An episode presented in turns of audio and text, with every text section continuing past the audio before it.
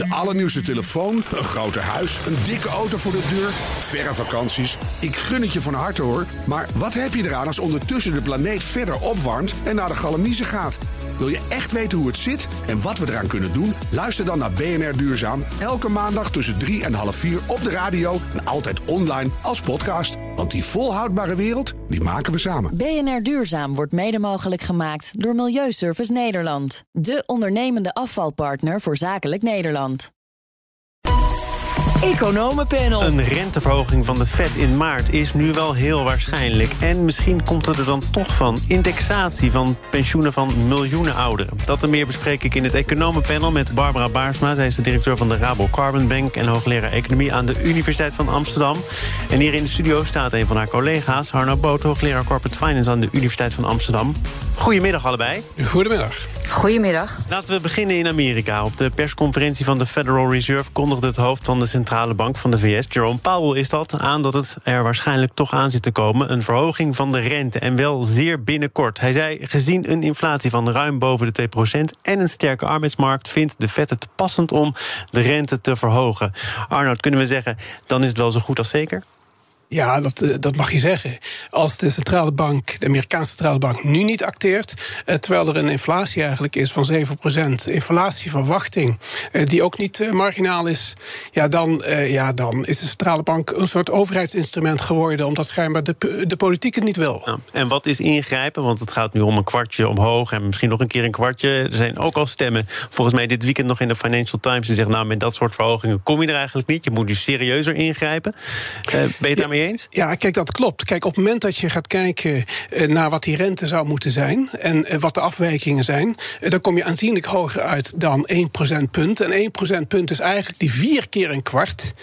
Maar daarbovenop moet de balans afgebouwd worden. Ze hebben al die obligaties op de balans staan. En daarmee hebben ze de langere rente laag proberen te houden. Die rente waar we het altijd over hebben, is de korte rente. En via die quantitative easing heet dat, die hele balans die vol staat, proberen ze de lange rente laag te houden. En die gaan ze dus ook in de loop van het jaar gaan ze die afbouwen. Want ze zijn nu nog uh, op het schema dat ze iets minder snel gaan opkopen. Maar het grotere plan is: nee, we gaan die balans ook echt verkleinen. Ja, die gaan ze verkleinen. Uh, dat zijn ze ook van plan. Maar ze willen eerst die rente, eerst het renteinstrument gebruiken. En nadat de eerste keer het renteinstrument gebruikt is, dan zul je horen dat ze ook het andere instrument gaan gebruiken. Want dat is gezamenlijk is dat nodig. Ook met het oog op de toekomst, als ze weer in de toekomst die rol moeten vervullen. Ja. Barbara, werd het hoog tijd voor de Fed om uh, deze stap te zetten? Nou, ik ben het helemaal met Arnold eens. Het kon eigenlijk niet anders. De economie draait daar weer uh, op volle toeren. De arbeidsmarkt uh, dreigt oververhit te, raken. In de zin van dat er een loonprijsspiraal uh, aan dreigt te komen. Um, en uh, ja, uh, dan kun je bijna. En de inflatie die echt uh, nou, erg hoog is, ook hoger dan, dan in de EU. Um, dus ze kunnen eigenlijk niet anders dan nu um, de rente fors te verhogen. Dus wel meer inderdaad van wat is aangekondigd. Uh, misschien wel uh, uh, niet met de stapjes van 25 basispunten, maar misschien wel van 50 basispunten. Ja. Nou sprak ik eerder vandaag met mijn dagelijkse zonnestraaltje, of moet ik zeggen, realist Kees de Kort. En we hebben het gehad over het vierde kwartaal in Amerika. Dat zag er allemaal nog goed uit. Maar volgens hem wijzen de laatste data op een aanzienlijk minder eerste kwartaal. Dan keek hij naar de arbeidsmarkt, naar de inkomensontwikkeling, naar de bestedingen. Liet allemaal zeer te wensen over. En hij vroeg zich dan ook af. Is dat dan wel het goede moment om de rente te gaan verhogen? Of kom je zo meteen in een situatie terecht dat je enorme inflatie hebt, weinig economische groei en hij nam het echt in de mond, Barbara, stagflatie. Zou, zien jullie dat ook als een reëel scenario? Nou ja, dat, kijk, je weet het nooit zeker. Wisten we het zeker, dan uh, waren we misschien geen econoom geworden. Maar um, nu staan de signalen op dit moment, en dat is ook de reden dat uh, de FED dit aan publiek heeft gezegd. Daarmee hebben zij verwachtingen gecreëerd. En kunnen ze, die verwachtingen zijn al deels in de markt uh, zeg maar. Dus als ze nu ineens heel iets anders zouden doen, zou dat, zou dat ook weer een dynamiek op zichzelf zijn. Dan um, ziet het er zo slecht uit voor die Amerikaanse economie dat er stagflatie aan de orde is. Nou, dat vraag ik me af. Er zit ook dat enorme pakket uh, van Biden uh, dat er nog aan zit te komen. Dus stel dat er al een vraagprobleem zou zijn stel, dan zou dat enorme infrastructurele pakket, uh, die enorme uitgaven van Biden, daar mogelijk enige soelaas kunnen bieden. Ja, want dat is eerder gezegd, uh, als dat pakket in een economie die toch al op volle toeren draait, er ook nog bij komt, dan leidt dat tot oververhitting. En in dit geval zou het er in ieder geval voor kunnen zorgen dat die economie goed blijft draaien, als ik je goed begrijp. Ja, kijk, eh, of dit een slim moment was van Biden. Kijk, ja, ze hebben heel veel achterstallig onderhoud in die economie. Hun infrastructuur is, uh, laten we zeggen, um, uh, ouderwets. Uh, dan zeg ik het vriendelijk. Middeleeuws. Um, ja, ja, dat is beter, ja. Uh, dus dat daar iets aan moet gebeuren is duidelijk. Alleen op welk moment doe je dat? Het is achterstallig onderhoud. Dus uh, de, of je dat dan nu op het moment van oververhitting doet. Maar juist doordat door die, al die middelen die er in dat Biden-fonds uh, zitten, zeg maar, in die Biden-pot met geld, door dat heel goed in de tijd uh, precies te laten gebeuren op het moment dat de economie misschien wat afdreigt te koelen, of dat juist dat steuntje in de rug gebruikt kan worden, in plaats van een oververhitte economie verder op te stoken, dat lijkt me wel wijsheid. Arna ja. Boot, zou dat kunnen, dat die economie toch wat afkoelt, als je kijkt naar de laatste data en uh, wat je daarvan mag verwachten? Het is te hopen dat hij iets afkoelt, want hij is volstrekt overspannen. die, die arbeidsmarkt, dat is gewoon niet voor te stellen. In Nederland is het ongelooflijk krap. Dus de, op dat punt voor een stukje vergelijkbaar met Nederland. Maar die krapte is enorm. Er is ook een, een onttrekking aan die arbeidsmarkt. Uh, allerlei mensen die uh, niet meer terug naar die arbeidsmarkt gaan. Misschien ook met oog op kwaliteit van leven. Ja, the Great Resignation heet het daar al. Ja, ja, dat heb je ook. Dus er is verankerd in dat denken. Er is echt een aanbodprobleem in de, in de Amerikaanse economie. En uh, om nou te denken dat die, dat, die, dat die vraag echt tekort gaat schieten. Amerika is een geweldig optimistisch land. Uh, die oorlogsdreiging, laten we, laten, we, laten we dat ook in perspectief plaatsen. In het verleden heeft een oorlogsdreiging in Amerika altijd geleid tot extra uitgaven. Uh, juist ook aan die hele militaire industrie. Het pakket van Biden, dat is maar van een heel klein stukje, is dat infrastructuur. Was het maar meer infrastructuur? Want de infrastructuur, de wegen, et cetera, dat is goed voor het aanbod. Daardoor nou, wordt het aanbod groter. Er nog wel een serieus pakket over, ook al is er wat vanaf ge uit onderhandeld? Ja, tuurlijk, er blijft een serieus pakket over. Hoe het uitgevoerd gaat worden, dat is dan natuurlijk de volgende vraag. Want waar haal je de mensen vandaan, et cetera? Dus je zult, het zal dat pakket wat eigenlijk het aanbod moet versterken... Dus maar het gaat vooralsnog alleen maar de vraag versterken. En daar zit Amerika eigenlijk op dit moment niet op aan het wachten. La, laten we toch nog even teruggaan naar, uh, naar Powell en wat hij heeft gezegd. Of wat hij niet heeft gezegd, want hij geeft duidelijk een signaal af. Maar ik heb toch ook wat economen uh, voorbij zien komen en gelezen de afgelopen periode. Die zeggen, ja, normaal gesproken hoor je als centrale bankier echt stapje voor stapje te zeggen wat je wanneer uh, gaat doen. Forward guidance heet dat volgens mij in jargon. En er zijn economen die zeggen, dat, dat missen we eigenlijk. Alles is open, dat er wat gaat gebeuren. Misschien wel veel gaat gebeuren, dat staat vast. Maar hoe en wat precies? Ja, dat hebben we eigenlijk wel nodig. Uh, Thomas, dat, klopt. En, en eigenlijk moet je ook terug. Hè. Mervyn King uh, gaf een paar weken geleden een interview. En hij zei het eigenlijk wel goed. Centrale banken zijn voor een heel groot deel hun geloofwaardigheid verloren. Ze hebben jarenlang geroepen dat de inflatie te laag is. Nou, tussen 1 en 2 procent is helemaal niet erg. Dat is perfecte range. Hij ging nooit onder de nul. Uh, nu hebben ze gedurende een half jaar gezegd dat die inflatie maar tijdelijk is. Zijn de lessen van de jaren 70 vergeten? Namelijk dat de echte inflatie is op het moment dat het in de hoofden van mensen komt. Gevoelsinflatie. Op het moment dat, het onder, dat je het anker kwijt bent, dat men inflatie verwacht en dat alle partijen inflatie verwachten, dan zie je dat de lonen plotseling omhoog gaan, de prijzen gaan omhoog, want iedereen anticipeert op inflatie. En dan is die inflatie opeens verankerd in het hoofd. Precies het tegenovergestelde van wat een geloofwaardige centrale bank had moeten bewerkstelligen. Nou, zijn die banken hun geloofwaardigheid kwijtgeraakt, Barbara?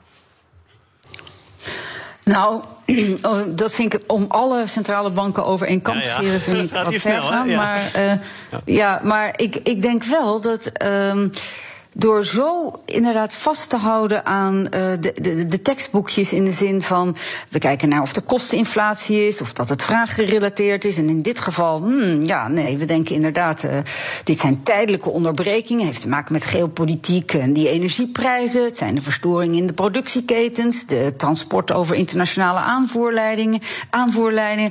Nee, nee, dat is uh, allemaal kosteninflatie. Ja, dat is tijdelijk, want het heeft al voor, voor een deel ook met de pandemie te maken, waarna de economie weer heel hard op gang kwam en er een verschil was in de manier waarop Um, de, met name in Azië de coronacrisis is aangepakt. Waar men direct allerlei havens en sectoren op slot deed. op het moment dat er maar één uh, uh, coronageval was, even scherp gezegd. Terwijl wat deden we in de VS en Europa? Daar sluiten we dienstensectoren om de virusverspreiding af te remmen. Um, en dus toen weer, dat geeft een enorme disbalans tussen goederenvraag en aanbod. En het leidde tot die verstoringen waar ik het over had in die productieketens. Nou, die centrale banken kijken er heel erg op die manier naar. En vergeten misschien, niet allemaal hoor, maar vergeten misschien te kijken wat doet dat met verwachtingen, met de psyche van mensen. En uiteindelijk is economie wat dat betreft een gedragswetenschap. Wat doet het met wat mensen verwachten, wat ze denken. En die verwachtingen die zitten niet alleen in kosten en rationele overwegingen als uh, gebrek aan concurrentie tussen containeraanbieders uh, uh, enzovoort. Dan nog even naar wat dit doet met de ECB. Want als de Fed iets doet, dan volgt de ECB meestal vroeger of later. Geldt dat hier ook, Arnoud? Of kun je zeggen, nee, de situatie in Europa, als je kijkt naar hoe er is gesteund, hoeveel geld er tegen aangesmeten is, of juist niet, vergeleken met de VS, de arbeidsmarkt ziet er allemaal toch wat anders uit. Dus kan de ECB keurig vasthouden aan het voorlopig niet verhogen van de rente? Nou, uh, de bottom line is dat de ECB die gaat ook reageren. Uh, dat ze dat iets later gaat doen dan Amerika is op zich logisch. Omdat die inflatieverwachting, inflatie ietsjes minder uit de hand gelopen is. Nog steeds 5% als je kijkt ietsjes, naar uh, de hele Europese Unie. Ietsjes minder ver uit gelopen, ietsjes, ja. Uh, en, en, het tweede punt is natuurlijk dat ja, Europa, de, de eurogebied, is toch wel een rare constellatie vergeleken met de Verenigde Staten. Dus het oplopen van de rente in Europa zal, zal daar zal de centrale bank met grote zorg naar kijken. Omdat die schuldenproblematiek van landen dan scherper in het daglicht komt. Kijk, voor Amerika speelt dat niet. Daar speelt alleen dat de, dat de ontwikkelde, ontwikkelingslanden daar last van hebben als ze de rente gaan verhogen. En dat zul je zien. Hè? Maar in Europa speelt dat landen in de zuidelijke periferie er veel last van zullen krijgen. Je kiepert Italië over het randje met een toch wel enorme staatsschuld. Ja, ze zullen het niet over het randje kieperen, maar ze zorgen voor toch weer spanningen in die eurozone. En dat geeft terughoudendheid. Tegelijkertijd onthoudt ook, ik heb het over een overspannen arbeidsmarkt in Nederland, die trouwens al twintig jaar overspannen is. Alleen op die momenten dat we echt al onze ruiten ingegooid hebben, zoals we de banken allemaal hebben laten omvallen, dan is er even geen, geen werkloosheid. Die overspannen arbeidsmarkt in Nederland, dat is niet het verhaal van Zuid-Europa. Daar is nog meer ruimte. Dus, en dat verklaart eigenlijk ook waarom Europa er iets anders in zit dan de Verenigde Staten. We gaan uh, naar deel 2 van dit Maar panel. ik mag één oh, ding nee, aan nee, toevoegen? Zeker, mag Barbara, zeker, ja? mag. Want uh, ik denk dus inderdaad, hè, het feit dat die, uh, die spreads op Italiaans en Spaans, Spaans overheidspapier... die is ten opzichte van Duitse overheidspapier recent al wat, nou ja, laten we zeggen, gestegen. En dat betekent waarschijnlijk dat als dat um, corona-opkoopprogramma komend jaar, de PEP... Um, als, dat, ja, dat, als, daarmee, als ze dat gaan beëindigen, dan zullen ze waarschijnlijk in het reguliere opkoopprogramma meer per maand gaan opkopen. En een andere reden is nog dat het waarop, waarom de ECB echt wel actief blijft op die markt voor staatsobligaties, is dat naar verwachting uh, die extra korting van die 50 basispunten op de TLTRO-financiering, dat is dat banken wat vergoeding krijgen als ze extra uh, financieringen geven dat die, uh, ja, als die afloopt, dan zullen ze dat ook moeten uh, countervelen, hoe zeg je dat, uh, compenseren. Dus daarom denk ik dat ze bij die opkoopprogramma's nog wel even blijven. Of ze echt de depositorente gaan verhogen. Weet ik niet. Ja, nu we toch nog uh, in het staartje van dit uh, onderwerp zitten, kan ik net zo goed Arno Boot even om een reactie vragen. Want het schudde een beetje heen en weer hier in de hoek. Nee, het schudden was meer. Uh, wat Barbara trouwens ook al eigenlijk al aangaf met, met al die ingewikkelde woorden. er zijn zoveel verschillende instrumenten waar de markt bepaalde verwachtingen van heeft. Hè. Daar hadden we het straks even over geloofwaardigheid centrale bank. Dus de Europese centrale bank in een economie die geweldig bankgedomineerd is, die zal nog voorzichtiger moeten opereren dan de Amerikaanse. Want dat financiële systeem is veel gevoeliger dan het Amerikaans financiële systeem. En al die instrumenten die Barbara noemt, die slaan terug op banken, die slaan terug op, terug op overheden. En hebben veel minder te maken met de Verenigde Staten. Dan gaan we nu toch echt naar een andere bank. BNR Nieuwsradio. Zaken doen. Thomas van Zeil. Het economenpanel is de gast Barbara Baarsma en Arno Boot. Recent waarschuwde het Centraal Planbureau voor een sterk oplopende staatsschuld... omdat het nieuwe kabinet 75 miljard euro extra uitgeeft... om het hoofd te bieden aan verschillende maatschappelijke opgaven. Dat kwam het CPB op stevige kritiek van een groep economen... van de Rabobank te staan. Zij noemen de waarschuwing van het CPB. Die loopt tot uh, 2060. Bangmakerij. Nou, Barbara, het is je eigen bank, het zijn je eigen collega's. Kun jij je aansluiten bij deze groep economen, onderzoekers? Uh, nou, ik, zijn, laat, ik het, laat ik zo zeggen. Voor een heel belangrijk deel, voor het grootste deel, kan ik mij hier prima bij aansluiten. Tegelijkertijd wil ik wel zeggen dat, maar dat wordt ook door mijn collega's bij Rabo Research onderkend, dat het CPB natuurlijk wel een aantal um, belangrijke dingen heeft gemarkeerd, zoals die fondsen. Is dat nou he, die klimaatfonds, het stikstoffonds, het uh, onderwijsgelden enzovoort. Is dat nou tijdelijk geld of is dat structureel geld? Daarvan zeggen zij, zijn we met CPB eens. Dat is uh, eigenlijk gewoon belang, voor een belangrijk deel structureel geld. Dus er zijn niet alleen maar verschillen, wil ik aangeven, tussen CPB en wat Rabo zegt. Wat Rabo zegt en waar ik echt wel uh, mee eens ben. Het CPB kijkt op een termijn, dat doen ze altijd als ze naar uh, de toekomst van de overheidsfinanciën kijken in termen van wat wij dan noemen houdbaarheid. Mm -hmm. Kunnen toekomstige generaties nog hetzelfde welvaartsniveau, dezelfde voorzieningenniveau aan publieke diensten ervaren als wij nu doen? En dan kijken ze over een, een periode ver vooruit. 20, 60, of gaan ze tot 2060. Wat mijn collega's aangaf, is dat de onzekerheden rond die voorspelling voor over 40 jaar zo verschrikkelijk groot zijn dat je daar voorzichtig mee moet zijn. En dus niet een puntschatting als 92% extra, of uh, niet extra, maar staatsschuld moet opgeven. Daarnaast, en dit vind ik met name heel erg belangrijk, want dat andere was eerder al gezegd. Um, die CPB-schatting die is aan de pessimistische kant. Waarom? Omdat wel de uitgaven zijn meegenomen, maar niet de baten van die uitgaven. En als je kijkt naar waar gaan die uitgaven naar, dan zijn dat voor een heel belangrijk deel als je ze tenminste verstandig doet, belangrijke voorwaarden, dan kan dat helpen om onze productiviteit te vergroten, om ons groeivermogen te vergroten, om ons groene groeivermogen te vergroten. En daarmee ben je ook de economische groei aan het vergroten. En als je daar belasting over heft, dan heb je dus een veel lagere ja. staatsschuld die uitkomt zo om en nabij de tussen de 60 en de 65 procent in 2040. Maar dan moet het wel gaan gebeuren, hè, die productiviteitsgroei. En ik geloof dat daar de afgelopen decennia weinig van terecht gekomen is. En het idee Klopt. is dan dus dat al die investeringen die dit kabinet doet en de kabinetten daarna, misschien wel tot 2060, daadwerkelijk gaan leiden, Barbara, tot een productiviteitsgroei. En dat kan je dan vervolgens weer belasten, waardoor je schuld lager uitkomt. Maar de belangrijke aanname is dan: dit gaat leiden tot productiviteitsgroei. Oké, dat, dat, klopt. Dat is een belangrijke aanname. Maar het niet helemaal niks eraan doen, dan krijgen we hetzelfde achterstallig onderhoud als we het net in de Verenigde Staten over hadden. En wij hebben echt achterstallig onderhoud als het gaat bijvoorbeeld om de basale kwaliteit in ons onderwijs. En onderwijs is zo'n ongelooflijke belangrijke in, uh, variabele als het gaat om het vergroten en op peil houden van productiviteit, dat ik daar wel, daarvan echt wel durf te zeggen. Nogmaals, als het verstandig uitgeeft, um, dat dat wel echt kan helpen om het tenminste op peil houden, niet verder laten zakken, van de, niet verder laten afvlakken van de groei van de productiviteit, bedoel ik daarmee. Um, om dat tegen te gaan. Ja, Arnoud, eh, over 2060 en wat je daar met zekerheid, of juist weinig zekerheid over kunt zeggen, is al veel gesproken. Het gaat nu over uh, de schuld en het wel meenemen van de kosten en het niet meewegen van de baten.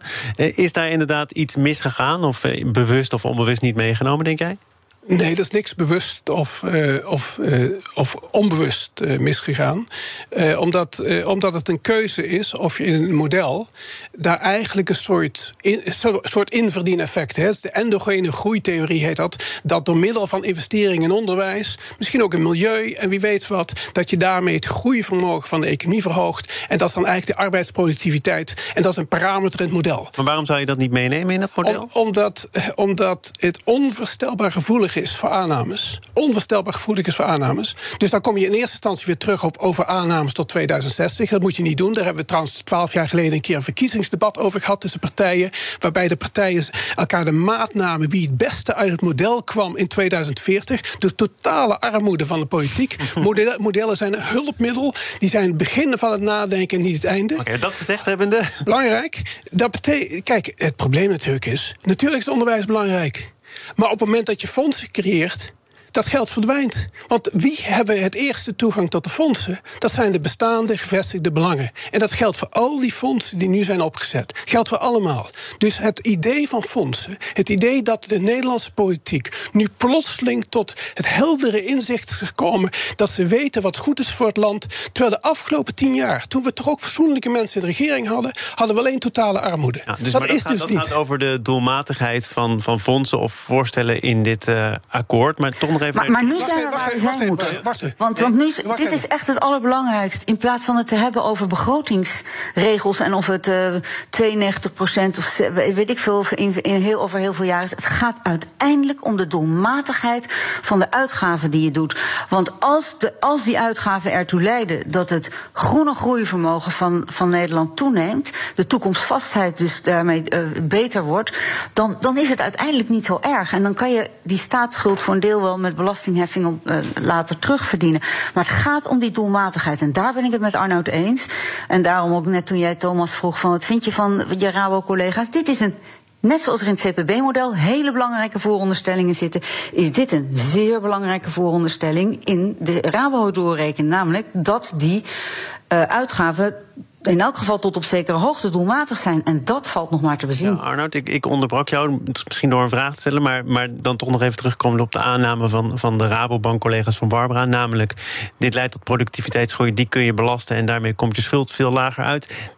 Dat, dat vind jij ook nogal een serieuze aanname, als ik jou zo begrijp. Nee, ik, nee het- alles hoe je een economie inricht, al- alles wat je in de economie doet, eh, dat is gericht op het vergroten van de capaciteit van de economie. Eh, in de brede zin, hè, brede welvaart, vergroten van de capaciteit van de economie. En als je die capaciteit van de economie vergroot, dan is er automatisch, zijn er automatisch ook meer belastingontvangsten. Dus als je, de als je de vergroting van de capaciteit van de economie niet, niet meerekent, dan reed je ook een deel van die belastinginkomsten niet mee, terwijl je wel de uitgaven hebt meegerekend. Dus die onderliggende analyse van, eh, van het niet ne- meenemen van toekomst, die klopt. Maar het is een verkeerde interpretatie van modellen. Modellen zijn hulpmiddelen. Het Centraal Planbureau heeft laten zien, op basis van terechte eh, sceptische houding, dat het zomaar komen met plannen bovenaf van bovenaf, die leiden tot hogere productiviteit, dat we dat eigenlijk nog nooit in de geschiedenis eigenlijk hebben gezien op die manier. Het moet structureel worden ingebed in de overheidsuitgaven, structureel worden georganiseerd en niet als een eenmalig fonds. We hebben die mensen niet, we hebben de capaciteit en kennis de overheid niet om dat geld goed te besteden. Het is nu een soort smeermiddel om het kabinet aan de gang te krijgen. En dadelijk om in de Eerste Kamer de meerderheid te krijgen. door af en toe geld uit te delen aan oppositiepartijen. Dat gaat gebeuren. Eh, Eventjes naar, naar wat Marieke Maar, Stelling mag ik één ding hierop zeggen? Want dit, dit, hier ben ik het totaal mee eens. Alleen het CPB heeft eh, dit punt van... eh, kijk nou uit jongens dat je niet net doet of iets incidenteel is... terwijl het structureel geld is en doe dat nou anders in de begroting... is doordat ze al in termen van houdbaarheid en staatsschuld op de, op de in 2060 92 procent enzovoort, het de politieke arena in heeft gegooid, is vervolgens het spel daar in die arena ontstaan over de hoogte van de staatsschuld en helemaal niet meer wat er achter het model zit. Zijn ze puur en alleen zich gaan zitten sufstaren op die, op die staatsschuld, terwijl Um, de bedoeling van het CPB waarschijnlijk, of nee, weet ik wel zeker was, om ze te laten zien dat die hele begrotingsmethodiek niet klopt. Van hé, hey, Tweede Kamer, ga daar eens beter naar kijken. En dat vind ik zo jammer. Dat um, uh, daarmee wordt, is het CPB-rapport inderdaad bangmakerij geweest in de politieke arena, terwijl dat waarschijnlijk niet de bedoeling was. Kijk jij daar ook zo naar? Ik, ik vind het woord bangmakerij vind ik eigenlijk niet zo erg. Want ik denk dat het, de politiek echt op, wakker geschud moest worden. Ze hebben de laatste jaren elk probleem wat zich manifesteerde... hebben ze proberen af te, af te kopen. U heeft last daarvan gehad, we geven u 30.000. U heeft last daarvan, wat we reserveren 50 miljoen. De, de kracht van de overheid is dat ze haar kennis organiseert. En als ze haar kennis organiseert, kijk even naar Rijkswaterstaat... dat je als overheid die projecten goed kunt aansturen... dan kun je de maatschappij in zijn kracht zetten. De gedachte dat je als een zwakke overheid, zonder voldoende kennis... want de kennis is weggehaald uit het overheidsapparaat voor een groot deel... dat je de maatschappij in zijn kracht kan zetten... Die, dat, je hebt die sterke overheid nodig. Kun je niet net zo goed zeggen, Arnoud, geld is gratis, is al lange tijd gratis. We hebben grote maatschappelijke opgaven. Uh, een overheid is het ook zichzelf en de bevolking verplicht om daar nu groots op in te zetten. Het geld is er, laten we het dan ook nu zo inrichten. Nee, want geld is niet gratis. Uh, het geld wat, uh, wat elke euro die uitgegeven wordt en die verkeerd wordt besteed, betekent als je die verkeerd besteedt, is een rendement van min 100 procent. Min 100 procent. En het verkeerd dus, besteden, dat, dat, dat is het putten uit jouw rijke ervaring kijkende naar het verleden. Ja, het is tot nu toe. Is, er is geen voorbeeld van een fonds in de Nederlandse geschiedenis wat goed gewerkt heeft. We hebben, we hebben na een Tweede Wereldoorlog hebben we een periode gehad. Iedereen de schouders eronder, het land de schouders eronder. Dat was toen de maatschappij optimaal gemotiveerd werd en in zijn kracht werd gezet om gemeenschappelijk het land op te bouwen. Dus op die crisismomenten is het gelukt. Maar op andere momenten heeft een groot fonds heeft nooit gewerkt. Dat heeft geleid tot ook wat, wat heet de Dutch disease. Dat was toen we opeens gas hadden. En wat hebben we toen gedaan? Dat geld verspeeld. We kregen toen inflatie. De concurrentiekracht van het bedrijfsleven nam af. En we hebben dus de maatschappij benadeeld in plaats van bevoordeeld met het gas. En dat dreigt nu weer. Jullie hebben de luisteraar ook bevoordeeld met een hoop kennis. Want die was wel in dit panel gelukkig. Barbara Baarsma, directeur van de Rabo Carbon Bank, hoogleraar economie aan de Universiteit van Amsterdam. En Arnold Boot, ook hoogleraar aan de Universiteit van Amsterdam. Dan op het gebied van corporate finance. Dank voor jullie bijdrage. Zometeen dan gaat het over een nieuwe overname van investeringsmaatschappij Parcom. Heeft zijn oog laten vallen op het grote bedrijvennetwerk Zorg van de Zaak. De allernieuwste telefoon, een groter huis, een dikke auto voor de deur, verre vakanties. Ik gun het je van harte hoor. Maar wat heb je eraan als ondertussen de planeet verder opwarmt en naar de galamiezen gaat? Wil je echt weten hoe het zit en wat we eraan kunnen doen? Luister dan naar BNR Duurzaam. Elke maandag tussen 3 en half 4 op de radio en altijd online als podcast. Want die volhoudbare wereld, die maken we samen. BNR Duurzaam wordt mede mogelijk gemaakt door Milieuservice Nederland. De ondernemende afvalpartner voor zakelijk Nederland.